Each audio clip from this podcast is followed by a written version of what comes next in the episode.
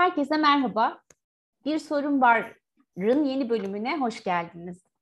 Ee, biliyorsunuz her haftanın bir sorusu oluyor ve biz o soru etrafında bazen konuklarımla birlikte konuşuyoruz. Bazen de ben cevaplıyorum sorduğum soruyu. Geçen hafta sevgili İcel Aydın konuğumdu. Ee, ona şöyle bir soru sormuştum. Ee, yazmak nasıl bir şey demiştim. Ee, ve sonra da demiştim ki biraz artık yazma üzerine konuşalım bir, bir, birkaç program. E, tam da tamamlayıcı bir soru ve tamamlayıcı bir konukla bu hafta yine birlikteyiz. Bu haftanın sorusu nasıl yazılır? E, ve bu soruyu sorabileceğimiz en iyi insanlardan bir tanesi de e, şu anda program konuğumuz olacak. E, sevgili Tolga Meriç. Ee, sevgili Tolga Meriç'in benim hayatımda çok değerli bir yeri var. E, çünkü benim yazma yolculuğumun yol arkadaşı Tolga. E, konuşmamız sırasında onlara da değiniriz ufak ufak ama önce Tolga'ya hoş geldin demek istiyorum. Hoş geldin Tolga'cığım. Nazlıcığım hoş bulduk. Çok teşekkür ederim güzel sözlerin için. Çok sağ ol.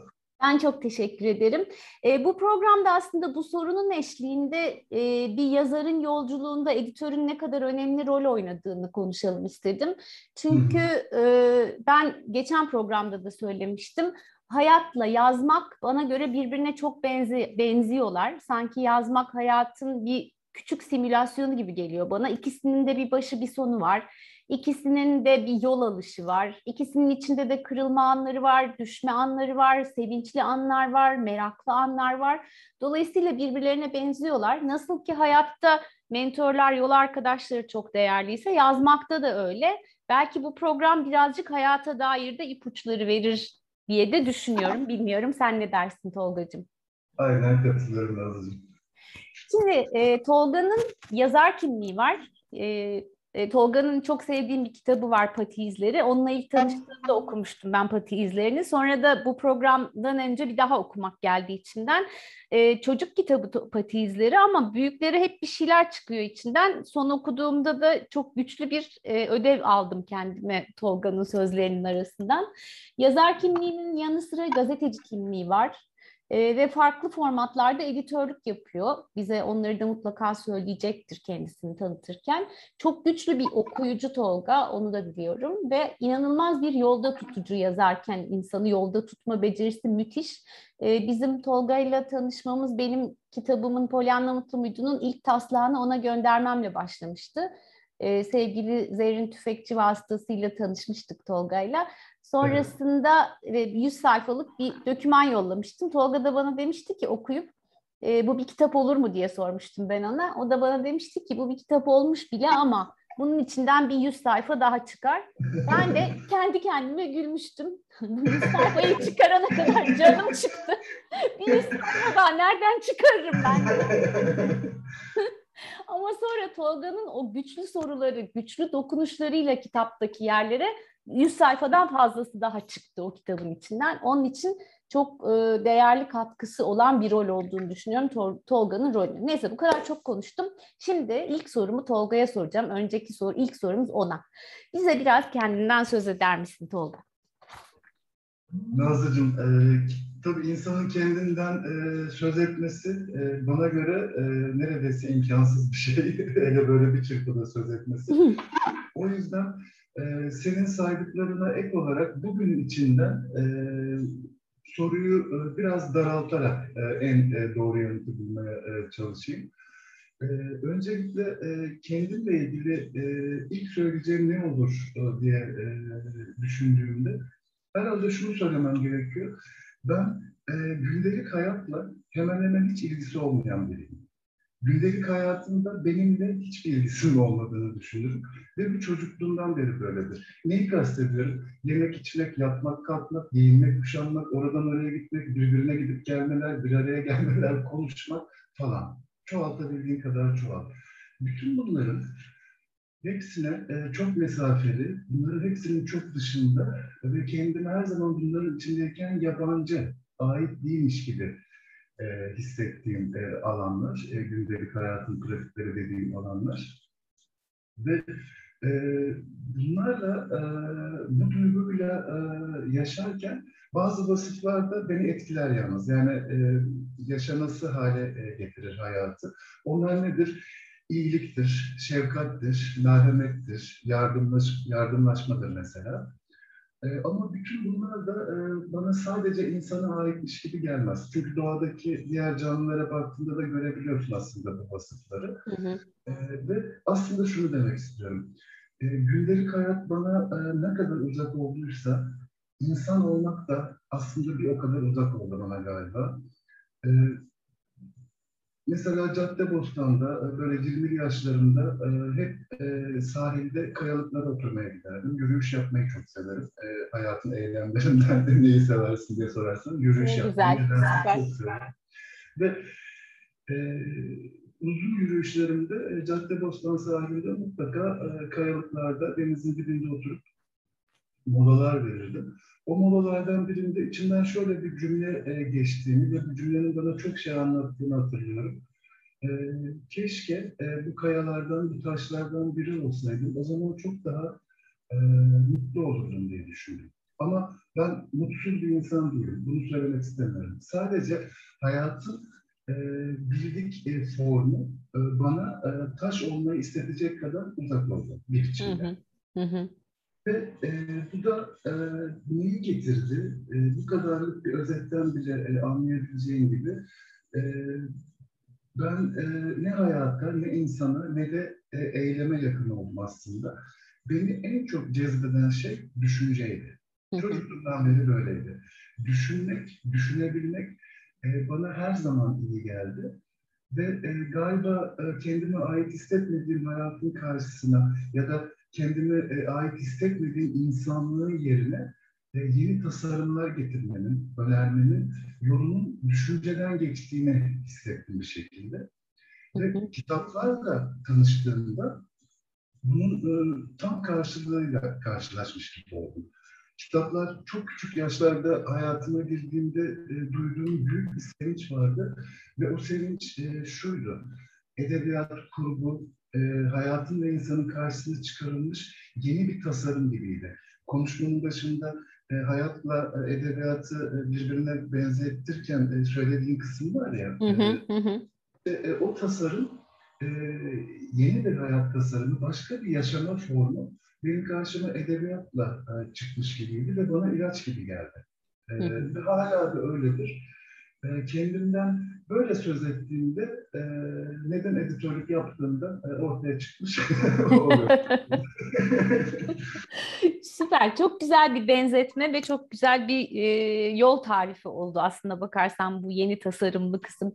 E, peki bir şey soracağım. Nasıl bir şey editörlük yapmak? Birilerine editörlük yapmak? Nasıl bir duygusu var? Valla e, neye benzetebilirim? E, daha önce e, gidilmemiş bir adaya gitmeye benzetebilirim. O adada e, sadece iki kişi olur. Yazar ve editör. Başka hiç kimsenin gidemediği, ayak basamadığı, sadece yazarla editöre açılan ama yazarla editörün de tek başlarına gidemediği bir ada orası. Her iki tarafı da son derece çıplak bırakan bir yer. Mesela en kıdemli yazarlar bile 20 tane kitabı vardır, 80 tane ödülü vardır. Orada çocuklaşır. Bir çocuk kadar çekingen, kırılgan, savunmasız kalabilir. Ama bu e, o adada editörle olan ilişkisinden ötürü değildir. Yazmanın doğasından ötürü öyledir. Ve yazar o doğanın ona yaptıklarını, yazmanın doğasının kendisine yaptıklarını editörün tanık olmasına izin verir. Eğer güvenilir bir e, güvenilir bulduğu bir editörse. E, çünkü orada da e, sadece yazmanın doğası hüküm sürer.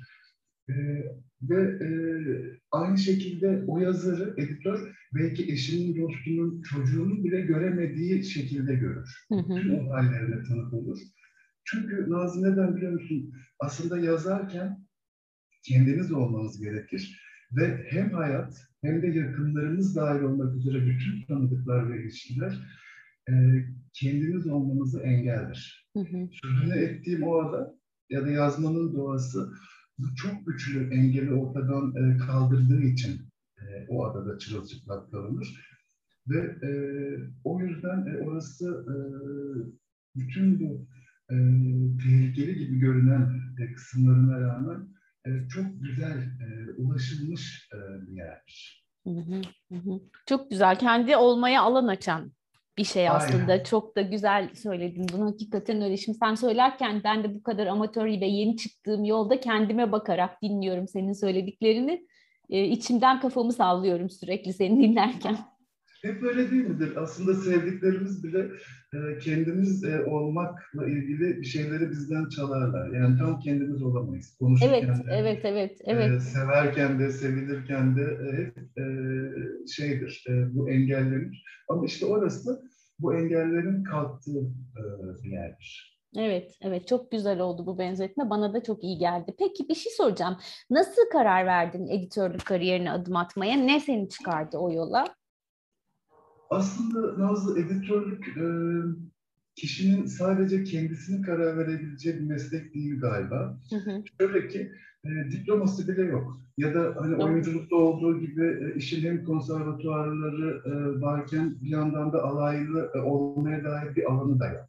Hı hı. E, edebiyattan anladığını, iyi bir okur olduğunu, e, yazmanın, yazının doğasını bildiğini bir şekilde başkalarınca da anlaşılması ve onaylanması gerekir bir güzel olabilmek için.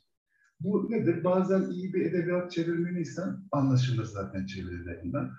Bazen iyi bir kitap eleştirmeniysen ya da e, kitap tanıtım yazıları yazıyorsan, edebiyat röportajları yapıyorsan da anlaşılabilir. E, başka bir alandan örnek verirsem aslında daha net olacak. E, mesela e, matematik evrenin yasalarını insandan daha iyi hisseder ve bunu bilen fizikçiler de evrenin sırlarını matematiğin hissiyatı üzerinden keşfeder. Matematiğin de, fiziğin de kendine ait ve çoğumuz için kapalı olan kendi dili vardır. Ama onlar, yani fizikçiler, matematikçiler kendi aralarında o dili bilip konuşurlar. Hı hı. Ya müzik, müzisyenler için de böyledir bu. E, seslerin notalarıyla duyabilenler için başka bir dil söz konusudur ve onlar o dili konuşurlar. İşte edebiyatın da e, böyle herkese açık olmayan, yani her kitap okuyana açık olmayan bir dili var. Ve o dili konuşanlar e, birbirlerini e, gördükleri anda tanıyorlar. Hı hı. Benim editörlüğüm de e, bu dili bilenlerle, duyanlarla onlar aracılığıyla başladı aslında. Hı hı. Yani e, tek başıma ben editör olayım, e, editör olacağım. E, bunu tabii dersin kendine ama bunu demek yetmez. Bunu diyebilmen için e, senin e, o dili duyuyor olman lazım. O dili duyanları tanıyor olman lazım ve birbirinizi tanımanız lazım. Çok güzel. Bunun bir dili var yani harika. Peki senin için şu anda editörlük yapıyor olmanın yani yazarlara yol arkadaşlığı ediyor olmanın anlamı ne? Galiba Nazım bu ilk e, soruna verdiğim e, yanıtta saklı bunun. Hı hı. E, bildik hayatın yerine e, önerilmiş e, başka bir hayat tasarımı gibi gördüğüm için edebiyatı, hı hı. o edebiyatın içinde e, yaşamak yazarlık.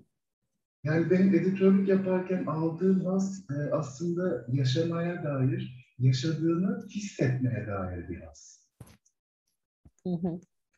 Çünkü editörlük yapmadığımda veya edebiyat dünyasının içinde yol almadığımda, metinlerin içinde yol almadığımda, yazarla birlikte veya okurken kendi kendime e, çok e, yaşadığını hissedebilen e, birisi değilim. O yüzden editörlüğün benim için e, bana verdiği haz e, biraz e, farklı ve e, yüksek bir yerde. Hı hı. Yaşamsal bir yerde.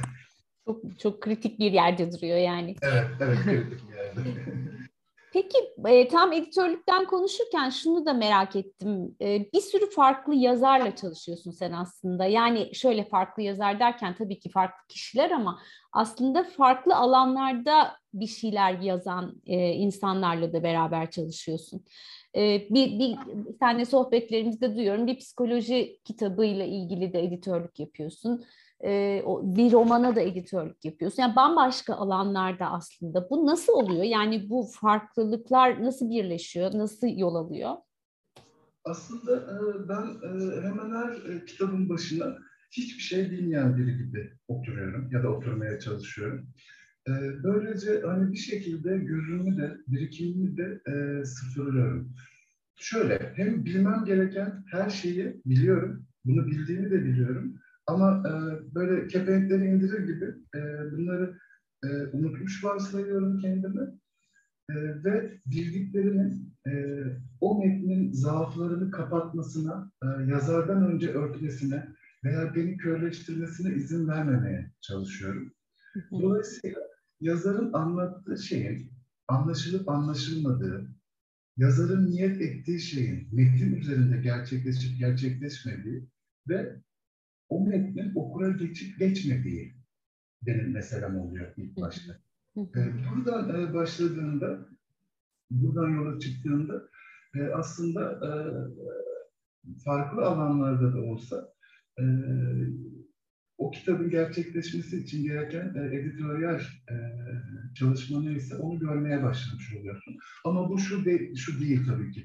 Hani bir e, psikiyatr e, kalkıp da akademik e, alanda bir e, eser e, ortaya çıkardıysa bu e, içerikle ilgili kısımda yeterli olabileceğim anlamına gelmiyor.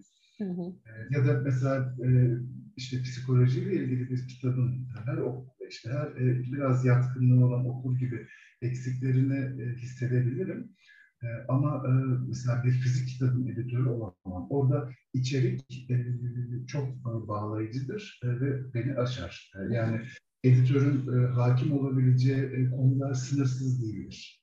O konuda eğer bilgin yoksa ve özellikle akademik bir kitapsa o zaman onu ancak e, o işin profesyonelleri, yani kendisi de e, işte e, psikiyatr olan birisi yapabilir. Hı hı. O anlamdaki editörlüğü.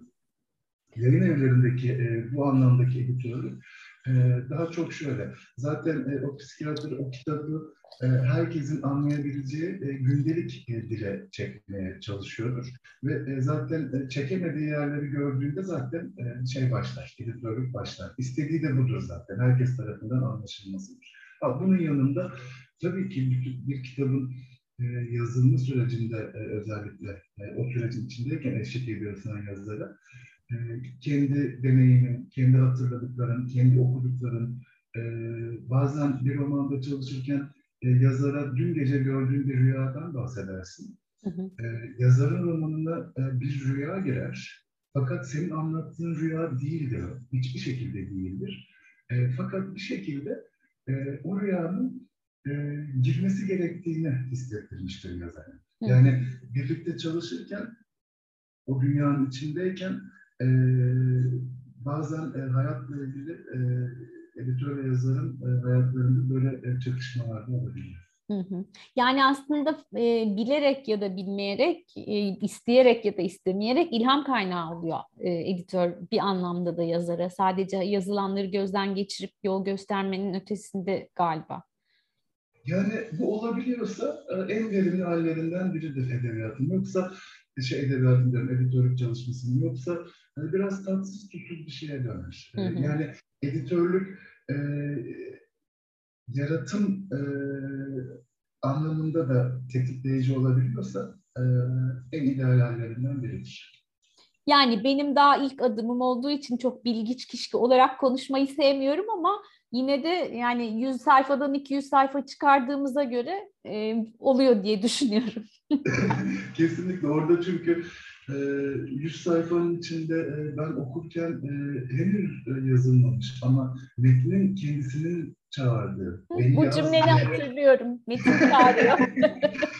o metnin neyi çağırdığını duymak zaten e, editörlükte ve neyi çağırdığını e, duyduğunda bunu yazarla paylaşmak. Yoksa yazarın aklının ucundan bile geçmemiş ve geçmeyecek e, şeyleri e, yazarı hatırlatmak değildir. Metnin e, çağırması gerekir. Tıpkı metnin e, ittiği şeylerinde e, çıkmasından yana olduğunu yazara söylemen gerektiği gibi. Metin de bağlayıcı. Metin söyler yani. Az önce hani bir, bir dil var dedin ya, o, o dili bilmekten bahsettin. Ee, galiba o dili konuşuyor Metin seninle. Evet, evet. Yani o dili duymadan e, bunları da e, duyamazsın tabii. Çünkü o met, e, metinden, aynen dediğin gibi e, metinden e, sana e, gelir e, ve o, o dilin açık olması lazım e, metni sana söylediklerini bilmek için. Ve sen evet, o, met, o, o dili aslında bizim dilimize tercüme ediyor oluyorsun editörlük çalışmaları sırasında. Çünkü ben o dili görmüyorum orada okuyunca anlamıyorum ama senden duyunca o tercümeyle e, bir sürü şey çıkıyor ortaya. Çok evet, önemli. Bir de şeyi de unutmamak lazım. Her yazan, en profesyonel yazardan bile bahsediyor olsak, e, her yazan e, kendi yazdığına ilk körleşen kişidir. Ve öyle böyle bir körleşme değildir. Çünkü e, yani yazarın belki zihnindedir, e, yazdığını, yazdığını zannediyordur ve görmüyordur. Ya da e, yazarların yazdıklarıyla ilişkileri böyle e, belki bazılarınca sanıldığı gibi e, çok toz bir ilişki değil. Aman da ne güzel yazdım, işte aman da işte şöyle döktürdüm, böyle e, şey yaptım, yazdım, çizdim değil. Genelde e, yazarlar e, yazdıklarına karşı editoryal sürece kadar ve sonra da asıl tabii onay okurdan gelene kadar e, o kadar körleşirler ki e, en özgüvenli gördüğün e, ya da egosu en yüksek sandığın yazarı bile e, bir işi bilen bir editör ya da bir yayın evi e, çalışanı veya patronu e, bir anda bütün özgüvenini e, sıfırlayabilir ve e, eğer o yazar sana bir başyapıt getirdiyse o başyapıtın bir çöp olduğuna bile ikna edebilirsin yazarı. Hmm. O kadar o kadar körleşir, o kadar savunmasızdır.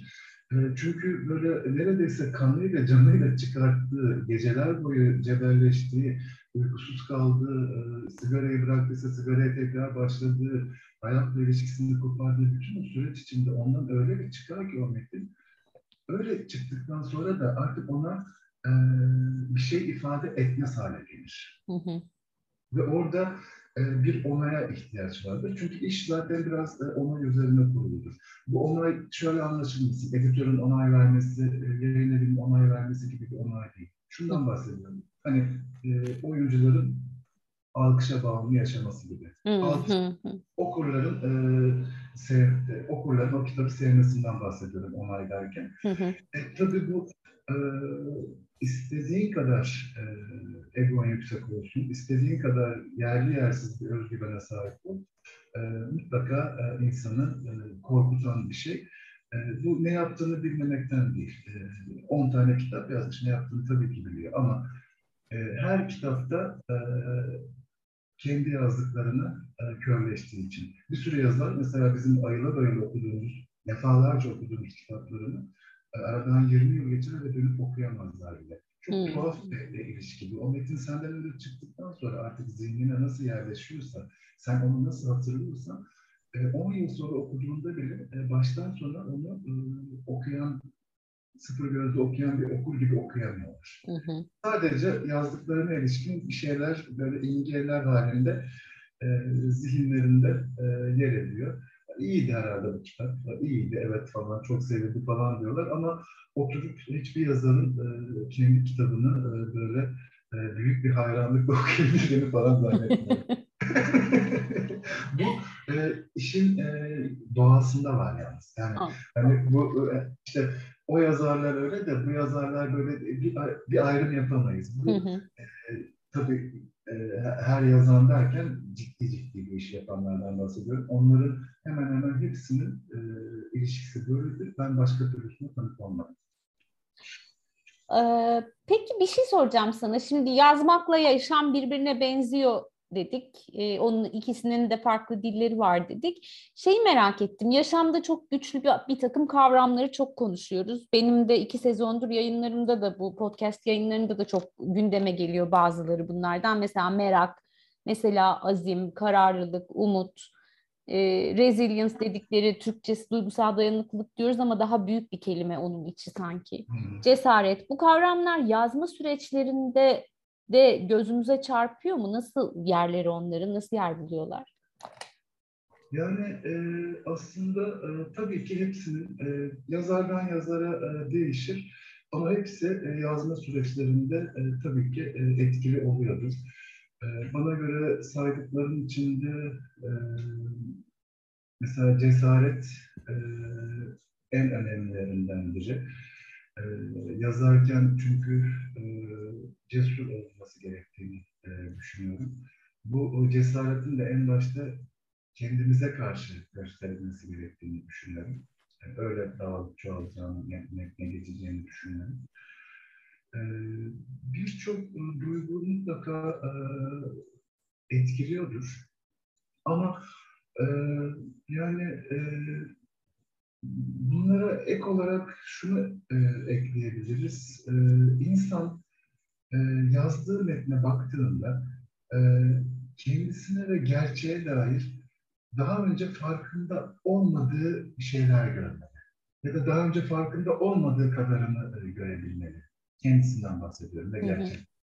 Eğer yazdığı şey kendisi kadarsa, hı hı. istediği kadar o kendisi dediğimiz şey ne kadar geniş, ne kadar e, işte e, şeyse, o fark etmez, güçlüyse, yine de yazdığı şey kendisi kadarsa e, pek bir şey değişmemiş demektir bence ve bu okula geçer. Yani yazmanın insana kendini ve e, gerçeği e, bulduran e, bir e, deneyimden e, geçmesi, e, geçirmesi gerekir yazar. Yoksa onun dışında e, ne olur biliyor musun? E, bütün e, bilinenlerin, e, biriktirilenlerin e, derli toplu bir şekilde e, aktarımı olur ve bir tatsız tutulur bir şey olur. Yani bir ödev, ödev, bir ödev gibi olur. Hı hı. Bence yazmanın macerası e, insanın e, hem kendisini hem de e, gerçeği e, bir parça da olsa zorlamasından, e, değiştirmesinden e, geliyor. E, yoksa dediğim gibi e, şey, e, bir derleyip toplamaya dönüşür iş.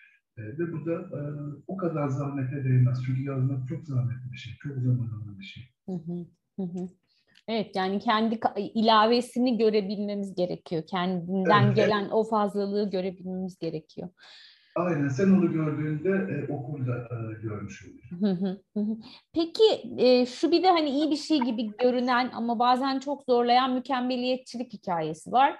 E, hatta ben hep aynı şeyi söylerim. İşte benimle çok ilişkisi e, yüksektir mükemmeliyetçilik kavramının. Yavaş yavaş aramızı bozmaya çalışıyorum. Hayat boyu birçok şeyi aslında yapmama da engel olduğunu fark ediyorum son 10 yıldır mükemmeliyetçiliğin iyi gibi görünüp. E, aslında sen bunu aman deneme işte kötü olursa ne olur beğenilmezse ne olurları da çok söyleyen bir dili var onun. E, yazma yollarında sen yaza, çalıştığın yazarlarda bunu fark ediyor musun? Fark edersen onun üstesinden gelmeleri konusunda nasıl bir yol arkadaşlığı ediyorsun?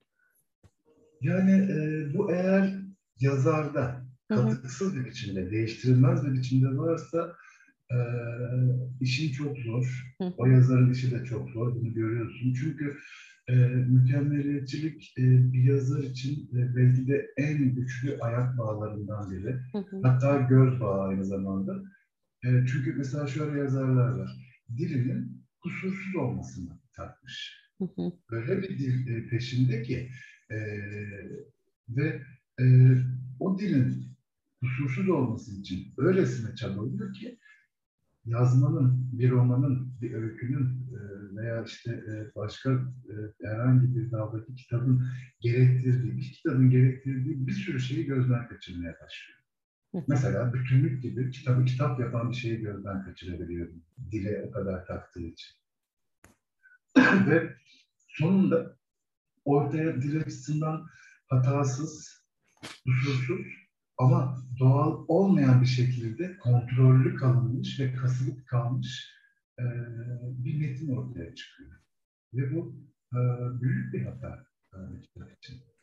E, yani e, bu tür e, yazarlarla e, sayıları çok fazla değil. E, Bu kadar katı olanların sayıları çok fazla değil. E, ama e, böyle bir e, katılık karşısında e, bir editörün veya o yazarın bir yakınının, güvendiği bir okulunun yapabileceği çok fazla bir şey yok. O bir körlük. Yani o bir körlük, körlüğe yol açıyor. Fakat bir de mükemmeliyetçilik dediğimizde şu var. E, bazen işte bir, bir dilin şiirine, kusursuzluğuna takmak olabileceği gibi e, çok e, onaylayacağımız şeyler de yapabilir mükemmeliyetçiliğin altında. Ne gibi? E, edebiyata duyulan derin saygı gibi. Hı Kişi o kadar e, edebiyatı iyi biliyordur ve neler yapıldığını, o kadar e, yapıldığını o kadar farkındadır ki e, kendi yaptığının onlara ne katacağını, e, kendisinin orada nasıl yer alacağını, zaten o kadar iyileri yapılmışken kendisinin yazmasının ne gerek olduğunu düşündürtebilir. Şimdi bu saygı o son söylediğim aşamaya kadar gelirse yani e, eğer hani bu dünyadan işte e, bir Tolstoy, bir Kafka, e, şunlar bunlar geçmişken e, benim yazmamın ne anlamı e, var e, getirirse e, o yazarı o da tehlikeli. Ama o saygının dozu eğer değilse e, o zaman e, o yazarın e, yaptığı e, işte daha iyi olmasını, yani kendini aşmak anlamında, kendini zorlamak anlamında e, daha e, iyi bir şekilde yazmasını sağlamak anlamında tabii ki yazara e, katkısı olabilir. Yani tehlikeli bir şey minicik bir parçası. İşte şu farkındalık dozu, saygı dozu, yaptığı işe saygı dozu, yaptığı işin geçmişine saygı dozu. Bunlardan böyle çeşniler halinde biraz e, serpiştirilirse e, faydalı. E, ama e, ondan sonrası e, epeyce e, zor bir şey. Yani gerçek bir engel taşı haline de dönüşebiliyor. Yaşamın diğer alanlarında olduğunu çok iyi biliyorum. E, bu evet. bu yolda da benzer bir etkisi oluyor demek ki. Evet. Ve tuhaf bir şey var Nazlı. E, mükemmeliyetçi insanlara baktığımız zaman e, genelde e, öyle olmadıklarını düşünürler. Değil mi? Doğru söylüyorsun. Evet. evet. Yani çünkü o işte yine bir şey var. Gözden e, kaçırdıkları kendilerine ilişkin e, bir şey var. E, o yüzden o kadar katılar zaten. Yoksa hani bu insanlara baktığımız aslında çok da e, işte e, esneklik gösterebilecek, e, yumuşak e, bir alana geçiş yapamayacak kişiler değil. Gayet rahat hani iletişime geçebileceğin, neyin ne olduğunu gösterebileceğin e, ve bunu dinleyecek kişiler. Ama dinlediklerinde bile kendilerinde olduklarını e, kendilerinde mükemmeliyetçinin olduğunu çok sonra fark edebiliyor. Yani mükemmeliyetçiliğin görünmez, e, kişiye görünmez bir tarafı var. O da tehlikeli. Evet diyorum ya ben son 10 yıldır aslında e, onun benim ne kadar hayatımı zorlaştıran bir şey olduğunu fark ettim. Onun öncesinde çok iyi bir parçam olduğunu zannediyordum ve görmüyordum muhtemelen. E, fark edince çok değişiyor bir takım şeylere bakış. Hala ilişkimiz biraz devam ediyor kendisiyle ama e, bayağı iyi olduğunu söyleyebilirim düzeyinin. E, bu, şey, e, affedersin. E, şey, şöyle bağlayabiliriz aslında. Yazma süreciyle ilişkisini sormuştum. Aha, aha. E, editörya süreç, editörlük e, burada e, bir yumuşatıcı etki e, yaratıyorsa e, şunu yapıyor. Az önce bahsettiğim gibi hani onaylanmadığı sürece, okul karşısına çıkmadığı sürece nasıl ki e, yazar e, hiçbir şekilde o kitabın iyi olduğuna e, inanmayabilir. E, hı hı. Orada eğer yazar, editörün e, gerçekten e, iyi bir editör olduğunu güvendiyse, bunun farkındaysa e, orada e, yazma aşamasında editörün bu mükemmeliyetçiliği kırma e, aşısında, şey, aşamasında okurun okurdan beklenen o onayı önceden haber verdiği, bildirdiği ve yazarı rahatlattığı söylenebilir. Belki hmm. o yazar bir editörle çalışmasa e, büyük ihtimalle e, şeye kapılabilir. E, hele hele ilk kitaplarıysa e, o kitabın bir türlü olmadığıyla yıllar hmm. geçirebilir. Evet, burası çok önemli bir nokta. Yani o tamam oldu, hadi devam edelim kısmında gerçekten editörün rolü çok önemli diye anlıyorum, değil mi? Hem de kendi evet. deneyimden, deneyimimden de doğruluyorum anladığımı şu anda. Aynen öyle. Çünkü e, editör e, edebi ölçülerle e, bunu söyler yazılar. Yani kendi kişisel beğenisinden e, o kişisel beğeni çok e, rahat e, küçümsenebilir. E, ama e, edebi ölçülerle e, söylediğinde yazar hemen senin neyin farkında olduğunu e, anlar. E, bu farkındalığa e, güven duyar ve e, o e, çok sonradan e, gelecek ve belki de kendini rezil edeceğini düşündüğü hı hı. Onaylanmama halini, onayını çok daha önceden almış. Önceden almış, süper. Evet, burası çok önemli. Hakikaten öyle. Peki bir şey soracağım. Biz, herkes yazı yazabiliyor. Hepimizin bir kağıdı, bir kalemi okuma yazmamız da varsa elimize alıp yazı yazabiliyoruz. Ama e, bir editör gözüyle bir kişinin, yazı yazan birinin yazar olabileceğine veya o yazılı bir metnin kitaba dönüşebileceğine karar vermeyi sağlayan ne? Bunu şunun için soruyorum. Hani bizi dinlerken insanlar acaba içlerinde yazma hevesi olan veya yazan ve henüz bir yere çıkarmamış, ortaya çıkarmamış olanlar varsa belki kimler yazabilir sorusunun cevabını da duyarlar. Evet, e, bana göre e, bir kitabı bir kitap, yani bir kitabı kitap yapan e, ne onun güzel dilidir, e, ne de anlatılanların parça parça e, ışıltılı oluşudur. Yani e, birileri e, çok güzel e, dili kullanabilir, çok güzel e, işte parça parça metinler yazabilir. Fakat kitabı kitap yapan şey e, bütünlüktür ve e, George Perey'in sevdiğim bir sözüyle e, parçalar bütünü oluşturuyor zannederiz ama bütün parçalardan önce vardır ve parçaları belirleyen önceden var olan o bütündür. Hı hı. Şimdi, kitap için de bu geçerli. Ee, bir kitabın öyle bir bütünlüğü olmalı ki bu e, yazılanları da, yazılan bütün parça parça cümleleri, işte paragrafları, bölümleri, her şeyini o en başından beri var olan ama görünür olmayan bütünlüğün belirlemesi gerekir. Şöyle de anlatabilirim. Öyle e, ilham geldikçe oturup yazdım. Onu oraya bağladım, bunu buraya bağladım. E, 10 sayfaya da 100 sayfaya çıkarttım. İşte sana kitap. Böyle bir şey yok. Hı hı. O 100 sayfaya, 200 sayfaya seni getirecek olan e, çok önceden, daha yazmaya başlamadan önce var olması gereken bütünlüktür. Ve o bütünlük yazdırtmalı sana şey, e, diğer bütün her şeyi. Bu belirsiz bir şeydir. Şey demek istemiyorum tabii ki. Hani kafanda oturursun ilk sayfadan son sayfaya her şeyi tasarlarsın karakterleriyle, olay akışıyla, şusuyla, busuyla. E, ondan sonra da oturup yazarsın. Bu değil.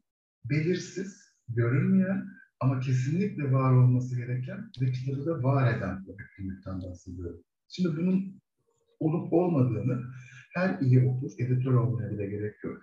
Hemen anlar. Nasıl anlar? Ee, üçüncü, beşinci sayfadan sonra o bütünlük eğer yoksa anlatılanlar ne kadar güzel olursa olsun öyle bir anlamsızlık denizinde kaybolmaya başlarlar ki onun neden okuduğunu anlayamaz hale gelirsin de e, bu, bunun e, okumak olmadığını, karşısındakinin de kitap olmadığını anlarsın ve sıkılıp bırakırsın. Hı hı. E, o yüzden e, ilk baktığım e, ve e, bundan e, kitap olur. Yani bu kitap e, basılmalı e, şeyine e, bana söyletenlerden biri bu hissiyattır. Bütünlüğe dair olan hissiyattır. Hı hı. Aynı şekilde e, yazarın e, kendi sesinin olup olmadığı ve yazarın metinde gerçekten kendisi olup olmadığı da e, beni e, şey yapar, e, bu kararı aldırmaya yönlendirir. Yani bütünlük yazarın kendi sesine sahip olması ve aynı zamanda yazarın kendisi olması. Hı hı. Evet, yazarın kendi sesi kısmı da tabii ki çok önemli.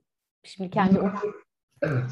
okuduğum Bunlar, kitapları düşününce şimdi çok çok güçlü bir şey burası. Evet, pardon sözünü kestim. Estağfurullah. Bunlar e, hani e, yazma e, işini, e, yazarları e, ciddiye alıp istikrarlı bir şekilde sürdürmek e, o dünyada yaşamak isteyenler için e, tabii ki e, geçerli olan ölçütler. Yoksa e, hani yayın evlerinde e, o dönemin koşullarına e, dönük, işte e, piyasa işi diye tabir ettiğimiz e, ama e, iyi e, getirisi olan bir sürü başka e, e, kitaplar da e, yayınlanıyor. Yani bu söylediğim benim e, üst düzey ölçülerdir her kitap için de geçerli e, değildir. Ama senin e, sorduğunun e, bu tür kişiler yani yazmaya e, hı hı. gönül verecek kişilere ilişkin sorduğunu e, zannederek e, ölçüde Aynen öyle sormuştum. Evet evet çok teşekkür ederim. E, peki bir şey soracağım. Şimdi senin başta da söyledim bir sürü e, üstlendiğin rol var yazma tarafında yani yazın hayatıyla ilgili okuma, yazma, gazetecilik, e, editörlük. E, şimdi şeyi merak ediyorum. Bir yazar Tolga Meriç var. Bir de editör Tolga Meriç var. E, bunlar aynı çalışma masasında çalışıyorlar herhalde ikisi de. e, aralarında nasıl bir ilişki var? Nasıl geçiniyorlar? Yazar Tolga yazarken editör Tolga nasıl davranıyor ona karşı? Yazar Tolga onu dinliyor mu, dinlemiyor mu? Nasıl o ilişkiyi merak ettim. Yani o ilişkide aslında baskın olan şu var. Editörlük işleri her zaman daha fazladır. E, kitaplar hiç bitmez ve e, baskın bir şekilde e, hayatında e, yer kaplar. E, okunacak, çalışılacak kitaplar e, bitmediği için de aslında e, editör Tolga, e, yazar Tolga'nın e, oturup yazmasına pek fırsat bırakmaz. Hmm. Yazmaya çok fazla e, sıra gelmez. Ama e, sorduğun soruya geçecek olursam e, yazmanın, e, yazının doğasını bilmek. Yani her editör yazabilir anlamına e, her editör, her editörün e, aynı zamanda yazabileceği e, gibi bir şey yoktur. Hı hı. E, o yüzden yazmanın, e, yazının doğasını e, bilmenin e, editörlüğü kolaylaştırdığını söyleyebilirim benim için. Hı hı. Hı Peki mesela pati izlerine şöyle bir yolculuk yapacak olsan pati izlerini yazdığın zamana e, yazar kimliğinle onu yazarken editör kimliğin karıştı mı sana? Burası olmamış, burayı değiştir.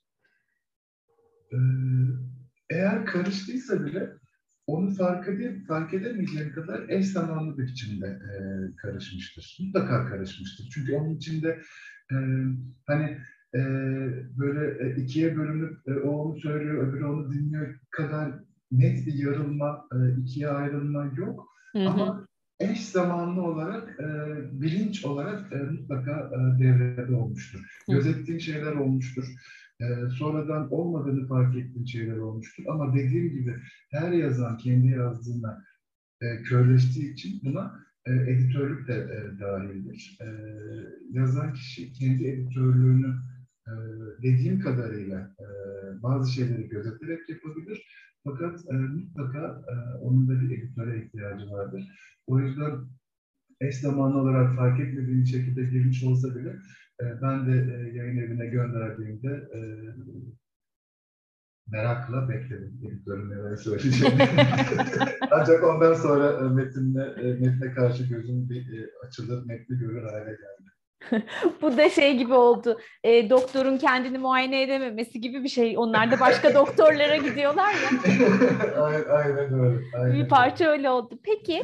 E, değil mi? Doğru söylüyorsun. Bir de az önce bir körlükten falan da söz etmiştin ya evet. yazarken ki körlükten muhtemelen o her yazan insanda kendi yazdıklarına karşı bir nebze de olsa oluyordur. Ne kadar o işin profesyoneli de olsa. Kesinlikle. Kesinlikle. Ee, peki bugünden geleceğe doğru şöyle bir bakacak olsan bu yazma, okuma, editörlük hayatında e, en çok yapmak istediğin şeyler neler desem var mı öyle bir listen? Ee, öyle bir listem yok. Bunun olmayışını e, seninle de e, kitap çalışmalarında e, hani kimsenin başka giremediği o adaya gittiğimiz için ben hı hı. o adada gibi rahatlıkla e, yanıt vereyim bu soruya. Çünkü başkası sorsa büyük ihtimalle tutulur kalırım ya da herhangi bir şey söylememeyi tercih ederim. E, benim e, bugünden geleceğe hiçbir zaman herhangi bir şeyim olmadı. Yani en başta e, konuştuğumuz gibi e, hayatta e, ve insanlar çok uzak olduğu için e, bu da bana çok uzak oldu. Ama bu beni e, ne mutsuz bile yaptı ne de memnuniyetsiz bile yaptı. Benim e, olan bitenden, e, olup bitecekten e, her zaman e, bir e, memnuniyetim oldu. Hı hı. Adalet Ağoğlu'nun e, bir düğün gecesinde e, kahramanlarından Tezel'in e, çok güzel bir cümlesi vardır. İşte bak bunu daha 16 yaşında okur okumaz e, zihnime yazmışım çünkü kendimi görmüşüm burada. Şöyle der, yani yüzüne tükürseler bir kağıt mendile bakarlar. Ben de Böyle bir memnuniyet içinde yaşadım. Şikayetsiz memnuniyet.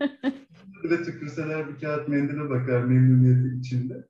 Ee, ama geleceğe yönelik de e, hayaller, hedefler e, yani bunu ben yapmaya çalıştığım anda e, ölesiye yorgunluk duyan birisiyim.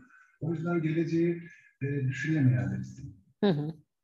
Ama böyle yaşamaktan da mutluyum diyorsun. O zaman hiç evet, problem yok. Evet. Yapabilenlere de tavsiye ederim. Biraz vurdum duymaz bir taraf ekliyor insanı. E, ama ge- gerekli, dozunda bir vurdum duymazlık. E, az önce söylediğim gibi e, bundan müstesna olan bir sürü alan var tabii ki hayatta. Tabii ki mutlaka mutlaka. Peki yavaş yavaş programımızın sonuna doğru gelirken e, son bir sorum daha olsa iznin olursa. Estağfurullah. E, bizi dinleyenlere yazma konusunda hevesi merakı belki de tutkusu olanlara e, söyleyeceğin neler olur programı kapatırken?